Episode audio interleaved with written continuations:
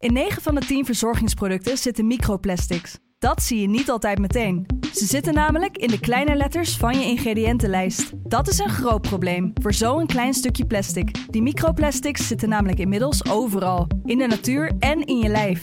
Gelukkig zijn er ook merken die gewoon microplasticvrij zijn. Want dat het anders kan, dat weten we bij Weleda, Lekker Company, Marcel's Green Soap, Naïef, Smaal en Witlof wel. Dus check de kleine letters. Die hebben de grootste impact. Deze podcast wordt mede mogelijk gemaakt door BNP Paribas Markets. Inspiratie, educatie en producten voor actieve beleggers. Dit is Kwestie van Centen, een podcast van de Financiële Telegraaf. Met Martin Visser en Herman Stam.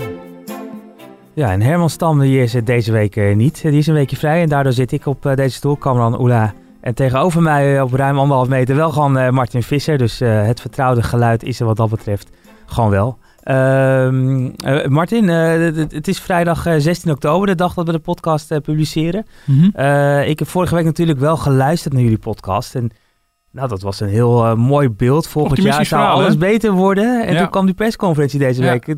Staat dat verhaal van vorige week eigenlijk nog? Tuurlijk, tuurlijk. Dat is houdbaar. Dat is zeker nog houdbaar. Ja, nee, eh, vorige week hebben we inderdaad een uitgebreid verhaal gehouden over het, eh, het oude normaal dat weer gloort. Ja, je kan het bijna niet geloven. Je moet wel echt heel erg door die tweede golf heen kunnen kijken. Mhm. Misschien zelfs door een derde golf heen. Maar dat is precies het verschil tussen de korte termijn en, en de iets langere termijn. En dat is precies ook de blik die tot nu toe structureel ontbreekt in de communicatie van, eh, van het kabinet en ook bij de afgelopen persconferentie weer. Natuurlijk zitten we nu midden in de tweede golf en eh moet eerst die hamer zijn werk doen. Elke, elke paar weken hebben we weer een nieuwe beeldspraak. Nu Ja. is het de hamer. Ja, Eh, maar dat betekent helemaal niet, dat betekent absoluut niet dat er geen licht aan het eind van de tunnel is. En ik denk dat het voor ondernemers ook van belang is om te weten, ja, waar gaan we nou precies naartoe? Nou, daar hebben we het vorige week over gehad. En dat staat nog als een huis, eh, wat mij betreft. Ja, dat is uiteindelijk gloort er licht aan het eind van de tunnel. Want je had daarvoor allemaal economen en veel, veel andere mensen gesproken die daar iets zinnigs over konden zeggen. Eh, Want eh, die hebben dus in die beelden, dat het stip aan de horizon, rekening gehouden met, met zo'n tweede, misschien wel derde golf. Dus Ja. dat zit erin verwerkt. Ja, zeker. En eh, kijk, weet je, dat zijn ook niet voorspellingen dat je precies kan zeggen van in april is alles weer normaal of in juli of in augustus. Dat, weet je natuurlijk helemaal niet zeker. Maar het gaat er wel eh, om van ja, we, we kampen nu met een tweede golf en je weet niet hoe lang het gaat duren. Nou, eh, Van Dissel, de RIVM-baas, die suggereerde al misschien dat we met de kerst nog in een lockdown zitten bij zo'n Mhm. spreken. Dat weten we allemaal niet. Maar tegelijkertijd zie je ook, en dat is heel hoopgevend, dat de innovatiekracht rondom vaccins en testen onwaarschijnlijk is. Ik bedoel, normaal moeten we jaren wachten op een vaccin. En nu zie je gewoon allerlei, eh, allerlei initiatieven en veelbelovende geluiden. Ook, met, ook met die sneltest, dat, dat gaat zo ongelooflijk snel. En wat veel experts eh, zeggen is, ja, kijk nou eens wat we nu, hoe ver we nu al zijn ten opzichte van een maand of zeven, Mhm. acht geleden. Moet je je voorstellen waar we dan staan over nog eens zeven, acht maanden. Even dus los van die golven gewoon. En, en is het dan mogelijk met het, met het grootschalig inkopen van die sneltesten, die dan al veel verder ontwikkeld zijn, eh, de eerste vaccins, betere behandelingen, de hele combinatie en heel veel meer kennis over, over het virus.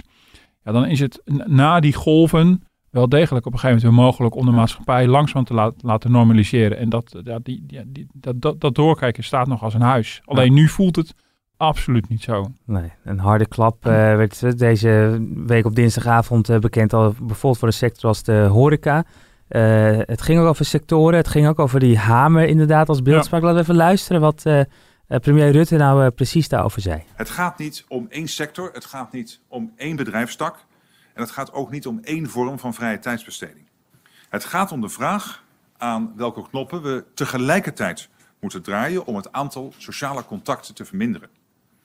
De hamer waarmee we het virus moeten pl- platslaan moet groot genoeg zijn om dat nu ook echt te bereiken. En dat is een optelsom en dat is geen keuzemenu. Het is duidelijk hè, dat hij zegt er niet één sector. Tegelijkertijd voelt het toch wel dat met name die horeca Ja. toch wel echt veel harder wordt geraakt dan alle anderen. Ja, zeker de horeca, evenementenbranche en ik denk de culturele sector, de theaters, die, die ja. zitten nu op die 30 eh, eh, en kiezen grote getalen voor om dan helemaal dicht te gaan. Mhm. Want ja, eh, weet je, Paradiso met 30 man of Carré Ja. met 30 man, dat, ja, dat slaat echt nergens op. Nou, eh, eh, maar goed, de horeca is natuurlijk echt de blikvanger. Ja, en dat, ja, die, die betalen een hele hoge prijs. Dat is natuurlijk wel helder. Bedoel, dat is ik bedoel, en die missen we natuurlijk tegelijkertijd ook. Want de horeca speelt ook een belangrijke, een, belangrijke rol in het sociale leven van, van heel veel mensen. Uh, je gaat graag uit eten of naar de kroeg met elkaar of, of, een kopje koffie. Dat is een ontmoetingsplek. Ja, en ja, het kabinet heeft natuurlijk gezocht naar plekken waar mensen samenkomen.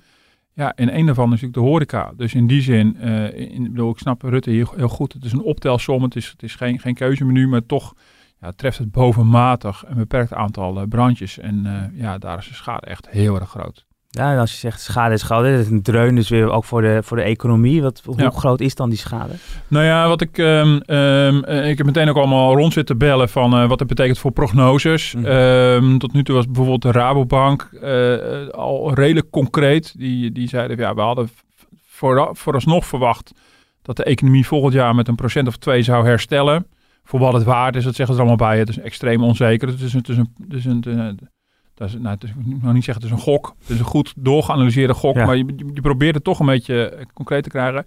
En die zeggen, ja, het zou best kunnen zijn dat van het herstel van 2% nog maar de helft overblijft.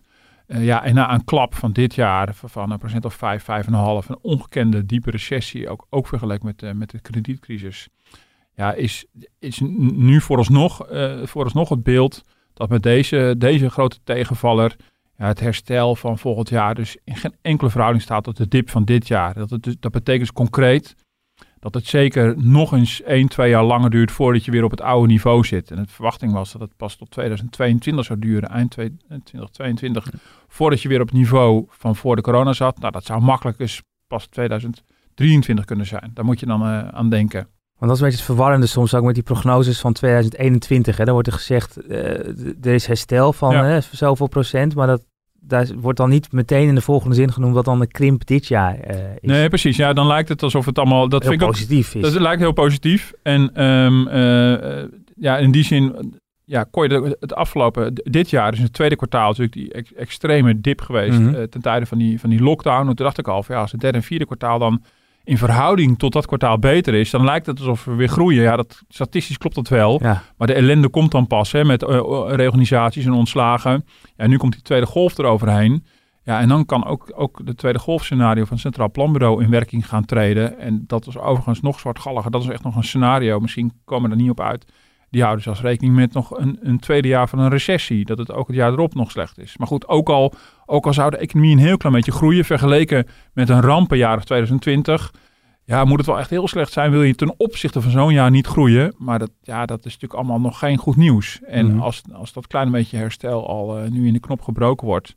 Ja, is dat toch een, is dat ook macro-economische fikse tegenvallen. En is de impact dus veel breder dan alleen maar die, nou, die horeca, cultuur en evenementen die dan het hardst geraakt zijn. Ja.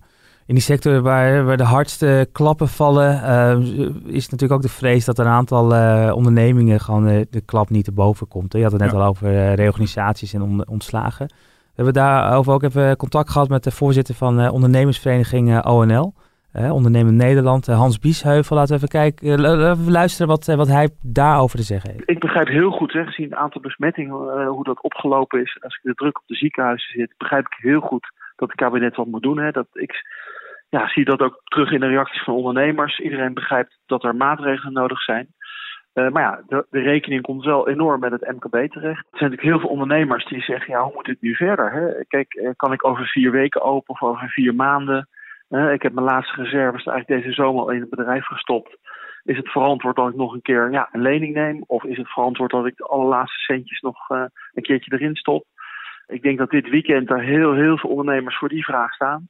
Ga ik stoppen of ga ik het toch nog proberen? Ja, ik vind een, een, een zin van uh, Biesheuvel, uh, die, die, die, resoneert wel. Hè? De rekening komt bij het MKB terecht. Ja. Is dat eigenlijk een terechte stelling uh, volgens jou? Nou, dat denk ik wel. Ik bedoel, we hebben de, de, de afgelopen weken waren ook een paar hele grote bedrijven natuurlijk in het nieuws. Uh, Tata, BAM, de Nederlandse Spoorwegen, ja. KLM hebben we natuurlijk gehad. Dus er zijn wel degelijk een paar hele grote bedrijven die hiermee te maken hebben. Maar ik denk dat, dat, dat in wezen dit echt een MKB-crisis is. Ik denk dat durf ik, die stelling durf ik wel aan. Je ziet ook wel een beetje aan de reactie op de beurs dat heel veel grote concerns toch uh, redelijk goed eruit springen. Shell is trouwens nog een voorbeeld -hmm. waar ook gereorganiseerd gaat worden. Dus het is niet zo dat het aan, de, aan alle grote bedrijven voorbij gaat. Maar je ziet natuurlijk wel dat, um, zeker als je het, specifiek kijkt naar de lockdown-maatregelen, nou, die, die, die treffen natuurlijk vooral uh, kleine bedrijven, ook heel veel eenmansbedrijven. In de eerste lockdown natuurlijk kappersgat, schoonheidssalons en dergelijke. Die zullen ook hun hart vasthouden, want ja, een, een echt een nieuwe volledige lockdown ligt echt nadrukkelijk op tafel. Nee, maar ik, in die zin zie ik, Ik het zie wel. ook dat jij al naar de kapper bent geweest. Ja, eh, ja, ja, ja, je- preventief. ja. nee, dat, ja, dat, eh, dat klopt. Dus eh, nee, maar ja, dat kan zomaar weer terugkeren. Ik bedoel, Ja. we- bedoel, zo lang geleden was het niet. Dus we weten nog precies hoe het toen ook alweer was. ja. En in die zin, maar goed, het, de- de- denk ik, ja, deze gedeeltelijke lockdown is nog lang niet wat het toen was. En ik mag hopen dat het desondanks effectief zal zijn. Maar goed, nee, maar dit raakt natuurlijk MKB-onderneming natuurlijk voluit. En aanvankelijk was er natuurlijk heel veel steun. Ehm, die steun is er nog steeds vanuit, eh, vanuit, eh, vanuit het kabinet. Hij wordt stapje voor stapje een beetje minder. Mhm. Maar de vraag is of, of die steunmaatregelen genoeg zijn om die ondernemingen allemaal door deze lockdown te trekken. Ja, want dat ging natuurlijk ook in die eerste lockdown er ook wel zelfs met die kappers over van eh, het perspectief ontbreekt. Hè? Waar Ja. gaan we dan naartoe? Ja. Hoe lang gaat het duren? Kan ik straks weer een mooi bedrijf op, op gaan bouwen? Eh, dat is ook wat, wat, wat Biesheuvel zegt. Hè? Dat dit weekend als sommige ondernemers gaan denken van moet ik stoppen? Kan ik nog wel door? Ja. Eh, Moet er niet veel meer perspectief worden geboden eigenlijk? Ja, nou, dat is toch maar een beetje herhaling inderdaad van, van wat toen ook eh, speelde. Toen was er nog aanvankelijk nog veel meer onzekerheid ook over de steun in eerste instantie. Bij de, al kwam die natuurlijk vrij snel wel, wel op gang. En nu is dat perspectief toch ook dat verhaal van, eh, van, van waar we het ook vorige week ook over hadden. Van wat gebeurt er eigenlijk na, na die tweede of misschien wel derde golf? Hoe ziet het er dan uit? En het is ook ongelooflijk moeilijk voor het kabinet, dat zal ik meteen ook toegeven. Omdat het natuurlijk niet precies te voorspellen valt. Mhm. Maar ja, ehm, er was natuurlijk een enorme roep om, eh, om dat perspectief. eh, een stip op de horizon. Nou goed, alle clichés kennen we. En wat we krijgen is een routekaart. En Ja. die routekaart gaat natuurlijk niet over die stip op de horizon. Maar dat is een routekaart van kwaad tot erger. Ik bedoel, dat is van eh, de, de overtreffende trap van beperkende maatregelen. Mhm. En we krijgen hem ook. Dat schreef onze parlementaire redactie deze week terecht in zijn analyse. We krijgen het moment dat we al bijna aan het eind van die route Ja. zitten. Nou, lekker perspectief is dat. Mhm. Dus het is, het is fijn nu dat er duidelijkheid is wat bij verschillende stadia van, van de verschillende golven eh, of de coronacrisis, wat de beperkende maatregelen zullen zijn. Maar voor een ondernemer, dat begrijp ik wat Pies even zegt, heel goed, is het ongelooflijk ingewikkeld. Je, bent nu, weet je, je hebt nu een, een restaurant, je bent nu gedwongen dicht. Je weet A, niet hoe lang het gaat duren. Ehm, je weet wel de, de steun. Je gaat natuurlijk uitzoeken van hoeveel steun kan ik nu krijgen. Eh, maar ja, dan moet je je afvragen, hoe lang zing ik het daarmee uit? Ga ik mijn privévermogen aanspreken? Dat heb ik al gedaan in, mijn- in de eerste Mhm. golf. Doe Ja. ik dat nog een keer? Is me dat waard? Of zet ik al mijn personeel gewoon maar op straat en laat ik die steun gewoon zitten? Eh, laat ik de boel failliet gaan? Of moet ik dan, eh, eh, en bij ontslag van mensen moet je transitievergoeding betalen? Eh, nou, laat staan dat je nadenkt over, en, en wat, wat doe ik dan volgend jaar? Hoe zorg ik dat ik volgend jaar weer up and running ben? Dat mijn bedrijf misschien is uitgebreid? Dat ik een, een draai heb gemaakt om ook in deze, eh, deze ingewikkelde beperkingen overeind te blijven? Dat zijn allemaal beslissingen die veel verder reiken dan alleen die tweede golf. En van het kabinet krijg je natuurlijk alleen maar toren van, nou, dit gaat er de komende twee weken gebeuren en Ja. succes er maar mee. Ja, en, en, en het duurt vier weken en, en, en, dan zien Ja, we wel weer. En dan zien we wel. Ja, weer. en, dat, en dat is natuurlijk, dat is, aan de ene kant begrijp ik dat natuurlijk volkomen, want het is ook reageren op wat er, wat er gebeurt. Ook het kabinet zal, zal natuurlijk moeten zien van, wordt, wordt, ja, wordt het aantal besmettingen wordt dat weer afgebogen, ja of nee? Ehm, maar tegelijkertijd ontkom je er ook niet aan om, om iets verder te kijken. De ondernemer moet ook verder kijken. Die Ja. maakt nu zijn begroting voor volgend jaar. En, ehm, ja, en daar ontbreekt elk, eh, elk handvat voor. En dat, is wel, eh, dat, is, dat maakt het voor ondernemers denk ik wel heel erg ingewikkeld. We hebben het net- even over de relatie ondernemer en overheid. Hè? Dus eh, onder andere ook met die leningen. Het is natuurlijk ook een relatie vaak tussen ondernemers en banken. Ja. Of het nou leningen zijn die daar al langdurig lopen, of het om rente gaat op, op vermogen. Eh, eh, ja, hoe, hoe, kijk je, hoe, hoe, zie je eigenlijk die eh, bankaire sector op dit moment ervoor staan? Ja, de banken hebben ook een soort coulance-regelingen opgetuigd al vrij snel. Die wilden heel laten zien van, nou, bij de vorige crisis waren we de onderdeel van het probleem. En dan zeiden ze nu, nu zijn we onderdeel van de oplossing. Dat durfden ze vooraf al te stellen. Nou, het was heel gewaagd om dat te doen.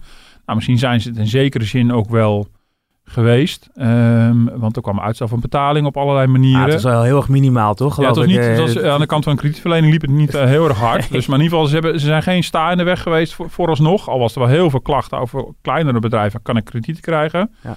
Dus wat, wat, wat wel vrij snel liep, was dus inderdaad bij, voor bestaande klanten uitstel van betaling te geven. Dat is ook het makkelijkste ook te Mhm. doen. Maar die coulance-regeling was op een gegeven moment, er zat een einddatum aan. En ja, die komt in zicht. En de banken eh, geven aan, ja, dat gaan we niet verlengen. Ja, die timing tegelijkertijd met de tweede golf is erg ongelukkig. Tegelijkertijd begrijp ik het wel. En is het misschien zelfs ook in het belang van ondernemers... dat je zulke soort regeling niet oeverloos verlengt. Want de steun van de overheid in de vorm van loonsteun... of tegemoetkoming van de vaste lasten... dat is echt een subsidie of een gift. Terwijl deze coulance-regeling, net als bijvoorbeeld een huurdeal... of uitstel van belasting... is het doorschuiven van schulden. Ja. En dan stapelt het allemaal op. Ja. Eh, dus in die zin is een ondernemer er misschien voor nu, voor de lockdown mee geholpen als een bank nog langer coulant is. Maar ja, dan komt die andere hamer, niet de hamer van Rutte, maar gewoon eh, de hamer van de afbetaling. En dan moet je in het voorjaar alsnog. Ja. Dus in die zin is het doorschuiven van schulden eh, te lang is geen oplossing. En dan is de enige optie is inderdaad of kijken als ondernemer van nou, kan ik het zelf redden? Of moet ik het tent op de fles laten gaan? Of kan de overheid het doen in de vorm van, van grootschalige subsidies? En dat wordt al gedaan. En de vraag is of dat wel genoeg is. En, en, en zie je dat die banken eigenlijk al genoeg vet op de botten hebben? Of, of zi- zijn die überhaupt wel bereid om in deze tweede Ja. golf eh, eh, nou ja, er klaar te staan Ja. voor ondernemers? Nou, voorlopig overleven ze de, de stresstesten van, van de toezichthouder van de Nederlandse Bank. Er zijn speciale stresstests in het voorjaar gedaan. Eh, Klaas, Klaas Knot, de president van de Nederlandse Bank, liet van de week ook weer weten van eh, eh, de, de, banken he- hebben genoeg buffers vooralsnog. Maar ook opvallend wel, hij waarschuwt expliciet van moet echt voorkomen dat dit uit gaat monden in een financiële crisis. Dus dat is wel degelijk dus een, een scenario waar eh, nou, openlijk rekening mee wordt gehouden. Mhm. Dat als het te lang duurt en te veel bedrijven gaan failliet, dan, ja, dan, dan kunnen die bedrijven ook niet meer hun verplichtingen afbetalen bij de banken. En raken de banken ook in problemen. De grote banken hebben allemaal enorme, eh, enorme stroppenpotten aangelegd. Dat zijn ze ook verplicht. Ehm, vooralsnog lijkt dat probleem. er Geleerd niet ook zijn. van die eh, crisis Ja. van tien jaar geleden. Ja, zeker. En dat moet ook. En eh, dankzij eh, eh, nou, een aantal hardnekkige economen en politici zijn de banken en, en de Nederlandse bank zelf, zijn de buffers bij de banken in ieder geval hoger opgetrokken dan de banken zelf hadden gewild. Dus Mhm. deze les van de crisis is er gelukkig ook opgedrongen geweest, waardoor de startpositie nu echt beter is. Hm. Eh, nou, je refereerde zelf al aan dat bij kredietverlening het niet echt heel lekker liep. Nou, voor een bank zijn al die kleine MKB'tjes toch een beetje ingewikkelde, lastige klanten. Ja. Het kost in verhouding meer dan dat, ze, dat je er wat aan hebt. Dus dat is niet heel hard gelopen. Ehm, maar vooralsnog, eh ja, je kan niet zeggen dat de banken nu echt het grote probleem zijn. En dat is echt wel een groot verschil met, eh, met de vorige crisis.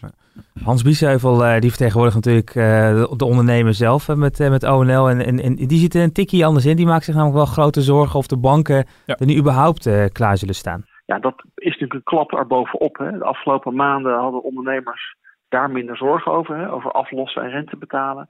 Meestal uitstel voor verleend. En nu zeggen de banken, ja, dat uitstel gaan we niet meer verlenen. En sterker nog, we gaan hè, grote delen van het MKB niet meer eh, financieren. Ja, dan wordt, het, dan wordt het wel heel erg lastig. Dus ik denk als je naar steunmaatregelen kijkt, dat de overheid met name ook daarna zal moeten kijken. Ja, kunnen we die kredietverlening, kunnen we die financiering op een andere manier aan de peil houden? Dat is eigenlijk wat zegt. Ja, die, die maakt zich zorgen dat de banken helemaal nu niet, eh, nu niet Ja. die coulance-regeling zullen hebben. Bijvoorbeeld voor zo'n horeca of evenementenbranche. Nou, je mag weer twee maanden niet aflossen en dan eh, kijken we daar weer naar. Ja. Eh, die zorg lijkt me, lijkt me vanuit zijn perspectief in ieder geval eh, terecht. Nee, zeker. Ik begrijp ook, en we zullen echt gewoon de komende week ook gewoon echte feiten moeten verzamelen. Of, dat, of het echt zo is dat de Mm. MKB dan niet meer gefinancierd gaat worden. Dat is echt wel een stap verder dan dat je op een gegeven moment met die coulance-regeling stopt. En ik begrijp, ik zeg, ja, de timing is natuurlijk wel, is wel wat, wat ongelukkig. Maar, maar toch, ja, ik, ik laat toch wel, wel, wel, wel staan dat als je als ondernemer steeds maar weer coulance krijgt eh, en alle ellende naar volgend jaar doorschuift. Ja. ja eh, dat is uiteindelijk ook niet, niet, eh, niet de oplossing. Wat, wat overigens wel, wat wel een zorgenpunt is, is dat de banken hebben aangegeven, ja, we gaan nu echt overstappen van een soort generieke regeling naar echt naar maatwerk. En dan kijken we zelf welke bedrijven gezond genoeg zijn om door deze crisis te komen. Maar ja, ge- gezond genoeg hangt ook vanaf in welke mate ondernemingen door de overheid worden gesteund om deze crisis te overleven. Ja. Ja, ik vind ja, de, de gedachte dat de coronacrisis een prachtige schifting zou zijn tussen gezonde en ongezonde bedrijven, is denk ik een misvatting. Ja. Want het hangt natuurlijk heel erg van het karakter van jouw bedrijf af, in welke mate je geraakt wordt. Dat heeft natuurlijk de, eh, de bedrijven met, met nul buffer, die vallen ook als eerste om. Dat is evident. Maar het is niet zo dat de coronacrisis nou een uitgelezen kans is om eens even te zeggen dat de innovatiefste en de beste ondernemers gaan winnen. En alles wat afvalt, dat zijn toch al zwakke broeders. Dus als de Ja. banken op die manier gaan kijken, is natuurlijk de vraag of je dan toch niet heel veel kapitaalvernietiging krijgt. Of je niet toch heel veel bedrijven die eigenlijk in wezen gezond zijn, nu als ongezond verklaart omdat ze niet kunnen overleven in de coronacrisis. Dat is, dat is echt wel een zorgelijk punt. Zeker als het gaat om die kleine MKB'er die Ja. eh, misschien sowieso van maand tot maand leeft en, Ja. eh, en, en niet aan die buffers eh, doet, eh, hoeft, hoeft Nee, dus in die zin begrijp ik dat, dat, dat hele idee ook niet. Wat, wat ook Klaas Knot weer herhaalde deze week. ja, bedoel, ja, laten we eens met de zwakste broeders afvallen. Eh. ja, dat is een beetje. Dat is in, in de economie is natuurlijk heel normaal, die dynamiek. De survival, een soort van survival of the fittest. de, de, de, de, de krachtigste en de creatiefste ondernemers die, die, die overleven het. En Mm. de zwakken die maken weer plaats. En dan komen er nieuwe voor in de plaats. Ja, dat kan je met deze crisis die helemaal van buiten de economie komt, kan je dat natuurlijk eigenlijk niet zeggen.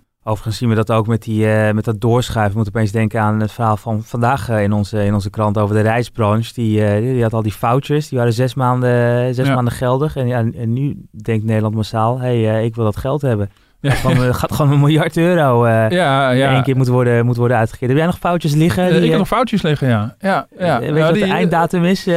Ja, ik geloof dat ik van een jaar of twee jaar. eh, Oh, ja, goed, maar dat is allemaal eh, met, met, met, mensen met huisjes in, in Frankrijk, weet ik wat allemaal. Niet Ja. meer grote reisorganisaties. Nee. Maar ja, dat is natuurlijk ook een enorme knoop waar die natuurlijk nu in zitten. Ik bedoel, we hebben geen idee wanneer dat weer een beetje op gang komt met die, met die reizen.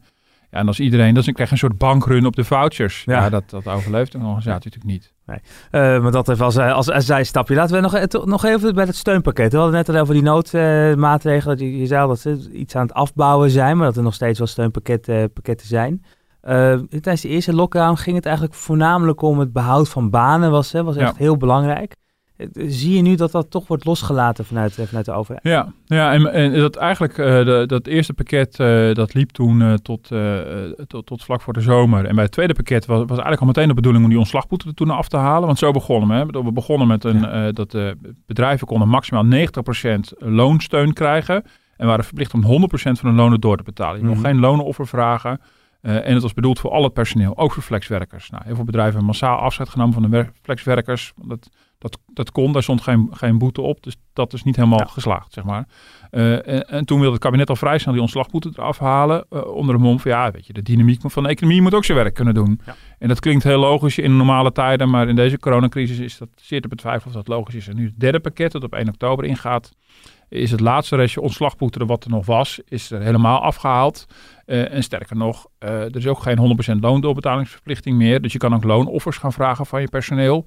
Nou, bij KLM heeft de minister eh, van Financiën dat ook ogenblikkelijk gedaan. Ehm, eh, verder, die loonoffers, dat zie je nog niet heel erg gebeuren. Maar er begint nu wel een strijd te ontstaan rondom de arbeidsvoorwaarden. Eh, ja, dat is op zich ook wel weer begrijpelijk. Dit is niet het moment dat vakbonden en werkgevers helemaal gezamenlijk optrekken. Dus een beetje strijd is ook wel logisch. Dat betekent dat allebei de partijen ook hun werk doen. Ja. Ehm, maar ja, er wordt nadrukkelijk ruimte geboden aan bedrijven van ja, ga maar reorganiseren. Dus dat betekent dus dat, dat de, de werkloosheid liep aanvankelijk enorm op, op door flexwerkers. En dat zal nu eh, ook door de vaste banen gevolgd gaan worden. Dat is onvermijdelijk. En verder houden we natuurlijk de faillissementcijfers in de gaten. Want ja, de steun is zo succesvol geweest dat nog toe ja, dat er minder bedrijven failliet zijn gegaan dan, vorig jaar. Ja. En vorig jaar was economisch hartstikke goed jaar. Ja. Dus het, het, het werkt dus wel. Eh, en blijven dus ook bedrijven overeind die anders zouden zijn omgevallen in normale omstandigheden. Dat is precies de reden dat sommige economen zeggen, ja, dat zijn zombiebedrijven, daar moeten we vanaf. Ehm eh, ja, dus, dus het is een beetje wachten op dat, omslag, eh, op dat omslagpunt. Het is in eh, deze podcast, maar ook in, je columns, in, in de verhalen vaak gegaan over die diepe zakken van, van Wopke Hoekstra, de minister van Financiën. Ja. Het- en daar gaat het dus nu eigenlijk ook wel over. Hoe diep zijn die zakken? En je hebt al vaker geroepen van nou, die zijn nog wel dieper dan we denken. Ja. Zie, Ja. zie, zie je dat dan nu denk je ook, ook wel weer terug? Ja, nee, kijk, want eh, eh, toen was een beetje de berekening dat het ongeveer 90 miljard zou kunnen zijn. En dan had je nog een hele fatsoenlijke staatsschuld. Ehm, eh, nou, daar is iets van 60 miljard of zo grofweg van gebruikt. Er is nog best wel ruimte over. Je ziet ook dat in de tweede ronde steun eh, is er ook weer minder gebruik gemaakt dan in de eerste ronde. En in de derde moeten we even afwachten hoe, eh, wat de impact van die lockdown op het gebruik van die steun weer is. Mhm. Er is natuurlijk wel financiële ruimte. En dat is ook een beetje het zoeken steeds bij het kabinet van... Ja, willen ze nou, is, is het echt een soort economische logica om de markt zijn werk te laten doen... en laat dan maar de zwakke broeders afvallen, die redenering... Of is het toch misschien een beetje financieel, dat er toch angst is van ja, die staatsschuld op laten lopen. Dat voelt zo on-Nederlands, hè? Ja. om dat dan zo moedwillig te doen en ook zo met, met, met tientallen miljarden tegelijk. Ja. En eh, ik heb zelf ook heel vaak geroepen, de staatsschuld moet omlaag, dat moet omlaag. En nu zie ik het exact tegenovergestelde te beweren. Dus het voelt ook heel erg eh, in die zin tegenstrijdig. En dat zal een Wopke Hoekstra natuurlijk ook hebben. Mm. Ik zeg, hallo, bedoel, ik wil natuurlijk de boeken in als de man met, eh, met de kleinste staatsschuld ooit, bij wijze van Ja. spreken. En nu, nu gebeurt precies het omgekeerde. dat- Dus er zal ook een financiële rem op zitten Ja. gevoelsmatig alleen al. Dat je denkt, van, ja, welke erfenis laten we precies na? Maar er is, er is nog gewoon ruimte. En ja, weet je, als, als, eh, als de minister van Financiën geld ophaalt op de markt, dan krijgt hij geld toe. Bedoel, de rente is, is op heel veel staatsleningen is negatief. Ehm, dus ja, in die zin is er echt nog wel, is er, is er echt nog wel ruimte. Ja, dat is dan maar het, even het lichtpuntje of het voordeel uh, dat, dat, dat het op die manier kan. Zeker, zeker. En natuurlijk moet je het niet uit de hand laten lopen. Uh, maar goed, we zitten, als je kijkt, als je het Europees vergelijkt, zit Nederland echt ongelooflijk safe. We zitten nog ruim onder de 70% staatsschuld. Uh, daar zitten nog ver van af. Dus in die zin is er, is er heel veel ruimte. En ik denk zelf ook, maar goed, misschien schat ik dat verkeerd in, dat ja, het, het massaal redden van MKB'ers met belastinggeld voor de meeste mensen toch wel anders voelt dan het redden van banken met belastinggeld. Hm. Um, het, eerder in een Kamerdebat zei eh, minister Wiebes als onderbouwing voor het versoberen van steunpakket, ja, de belastingbetaler kijkt ook mee. Daar suggereer je een beetje mee van ja, op een gegeven moment willen mensen dat niet meer met ons geld. Maar ik denk toch dat we meer sympathie hebben voor de gemiddelde horecaondernemer dan voor ING, schat ik zo maar in. En uh, terwijl natuurlijk die banken voor het draaiend houden van de economie onmisbaar zijn. Terwijl ja, ja die, die kroegen kan je missen. Ja. Ik bedoel, ja, maar ja, dan is het de vraag van moet je het dan dus daarom aan laten vallen? Ik, eh, ik denk het niet. Maar de KLM's en de Booking.coms zullen nu ook wel weer uh, kunnen, opnieuw kunnen aankloppen, toch? Ja. Ja, dus in die zin, het gaat natuurlijk niet alleen om die MKB'ers inderdaad. Nou ja, de KLM, nou goed, daar, daar, daar is natuurlijk helemaal de keuze al gemaakt om, om daar uh, om dat, uh, dat bedrijf overeind te houden met leningen. Ja, ja, als het langer aanhoudt, dan kom je natuurlijk voor andere vragen te staan. Van, ga je dan weer blijven lenen? Of moet je een groter belang gaan nemen? Weet ik veel. Uh, er zal vast ook wel gekeken worden naar misschien helemaal in overheidshanden en dan mm. weer uit elkaar trekken het Nederlands en het Franse deel. Um, ja, dat is wel een ingewikkeld dossier. Daar zouden we zo een hele aparte podcast aan dat kunnen gaan wel, ja. uh, wijden. Misschien was het een goed idee voor om binnenkort eens even dat, dat Air France KLM is te gaan, te gaan ontleden. Um, de, de, richting het einde van deze, van deze podcast. Wat, wat verwacht jij de komende weken op, op, op, dat, op dat financiële vlak van het kabinet gaan horen? Ja, nou je ziet dus inderdaad dat er, dat er vanuit het kabinet, nou Rutte haalde natuurlijk al aan, natuurlijk wel degelijk aangegeven wordt dat de bereidheid is om naar die steunpakketten bijvoorbeeld te kijken. Um, het valt me wel op dat de vakbonden werkgevers daar niet meer gelijk in zitten. Dat was heel lang wel zo. De vakbonden zitten heel erg op hou alles vast wat we hadden aan steun. Terwijl de werkgevers heel erg zitten te zoeken naar hele specifieke dingen. Breid het uit met een aantal sectoren of hoe specifiek iets voor de horeca of, uh, of de, de tegemoetkoming voor vaste lasten. Daar kan je nog misschien aan een paar knoppen draaien zodat het net even wat meer is. Dus het is, is wat meer fine-tunen. Nou, daar, is, daar lijkt wel, ook bij ministeries wel animo voor om misschien her en der nog wat aan wat knoppen te draaien. Maar tegelijkertijd zie ik ook wel grote terughoudendheid om dat heel snel te doen en heel enthousiast. Um, het ziet er naar uit dat als er een verruiming komt, dat het misschien pas per 1 januari komt, dat je een aantal nou, versoberingen die in de planning zaten, dat je die misschien dan niet in laat gaan op 1 januari. Ja, en dan ja, ben ik toch wel heel benieuwd. Bedoel, ja, weet je, ik ben natuurlijk geen, uh, geen, geen, geen arts of viroloog, dus ik weet helemaal niet of dit allemaal gaat werken. Maar mijn gevoel zegt dat het niet genoeg is. Mm um, dat het hier niet bij gaat blijven. Kijk, we doen qua lockdown minder dan we in maart deden. Ja. Uh, terwijl, de, terwijl we ons natuurlijk nu gevoelsmatig anders verhouden tot het virus. Toen waren we met z'n allen best wel bang. Ja. Dus de meeste mensen toch mm voorzichtig, onzeker nu zoek je natuurlijk ook al wil je aan de regels houden, het ook sneller en makkelijker de, met je de randen op van wat er kan en wat, uh, wat er mag. Dus ik kan me bijna niet voorstellen dat je nu met een gedeeltelijke lockdown net zoveel effectiviteit bereikt als toen met een hele lockdown. En dat zou dan betekenen dat je misschien uh, over twee weken naar een volgende fase gaat die langer aanhoudt. Ik weet het allemaal niet. Nee. Maar ik kan me voorstellen dat heel veel ondernemers daar natuurlijk ontzettend bang voor zijn. Dat ze denken van ja, die, die kant gaat natuurlijk op. En mhm. ja, en dan, ja, dan ben ik benieuwd. Ja, Hans Biesheuvel zei natuurlijk heel dramatisch. Dan is het dit weekend gaan ondernemers nadenken. Nou, dat, dat, dat zal misschien nog wel meevallen. Uh, natuurlijk gaan ze erover nadenken. Maar ik denk niet dat er maandag meteen een, een is. Ja, het is toch echt heel goed die statistiek in de gaten houden. Wat, wat, uh, wat, daar, nu, uh, wat daar nu gebeurt. En ik denk dat als het te hard gaat qua ontslagen dat het kabinet dan snel aan die, aan die rem zal trekken. In die zin van de, de steunpakketten aanpassen. Ja, en dan toch die diepere zakken gaan gebruiken. En dan die diepere zakken gaan gebruiken. En dan misschien uh, zijn ze ook heel blij dat ze het niet meteen hebben opgemaakt. Zo kan je het ook wel weer zien. Ja. Ze hebben dus ook gewoon wat achterhand. Dat is ook wel uh, een prettige gedachte. De overheid die ook een buffer heeft. Het is, het is ja. net een bank wat dat betreft. Ja, uh, ook, een, ook een buffer. Zeker. ja. Ja, En het voordeel is, de overheid kan het eigenlijk niet echt omvallen. Nou, dat zijn we natuurlijk, we financieren het allemaal met elkaar. Ja. Dus uh, ja, dan gaan misschien de belastingen later omhoog. Maar dan goed, dat is voor later zorg. Ja, kijk uit met dit soort uitspraken. Hè? Eh, over een jaar uh, rand van faillissement. En dan ja, ja. Als, als, als land zijnde. Maar dat, dat zit inderdaad niet nee, in. Nee, jongetje van de klas bij. nee, precies. Binnen de eurozone zijn we, zijn we nog heel erg braaf. En, en hebben ook de luxe positie van die uitgangspositie dankzij ja, die Calvinistische aanpak van de vorige crisis hebben natuurlijk een fantastische startpositie. Ja, je mag de Italianen niet verwijten dat ze een slechte startpositie hebben. Laten we dan blij zijn met de onze. Mm. Dat wij in ieder geval ook de ruimte hebben om dat heel ruimhartig te doen. Ja. Wat ook uit internationaal onderzoek blijkt. Dat Nederland echt tot nog toe maximale baanbouw heeft ingezet. En daar heel, heel, eh, ruimhartig in is. Eh, ik denk dat we dat voort moeten zetten. Gaan wij vanavond weer een eh, maaltijd afhalen bij onze favoriete restaurant om Ja. toch te steunen. Ja, zeker.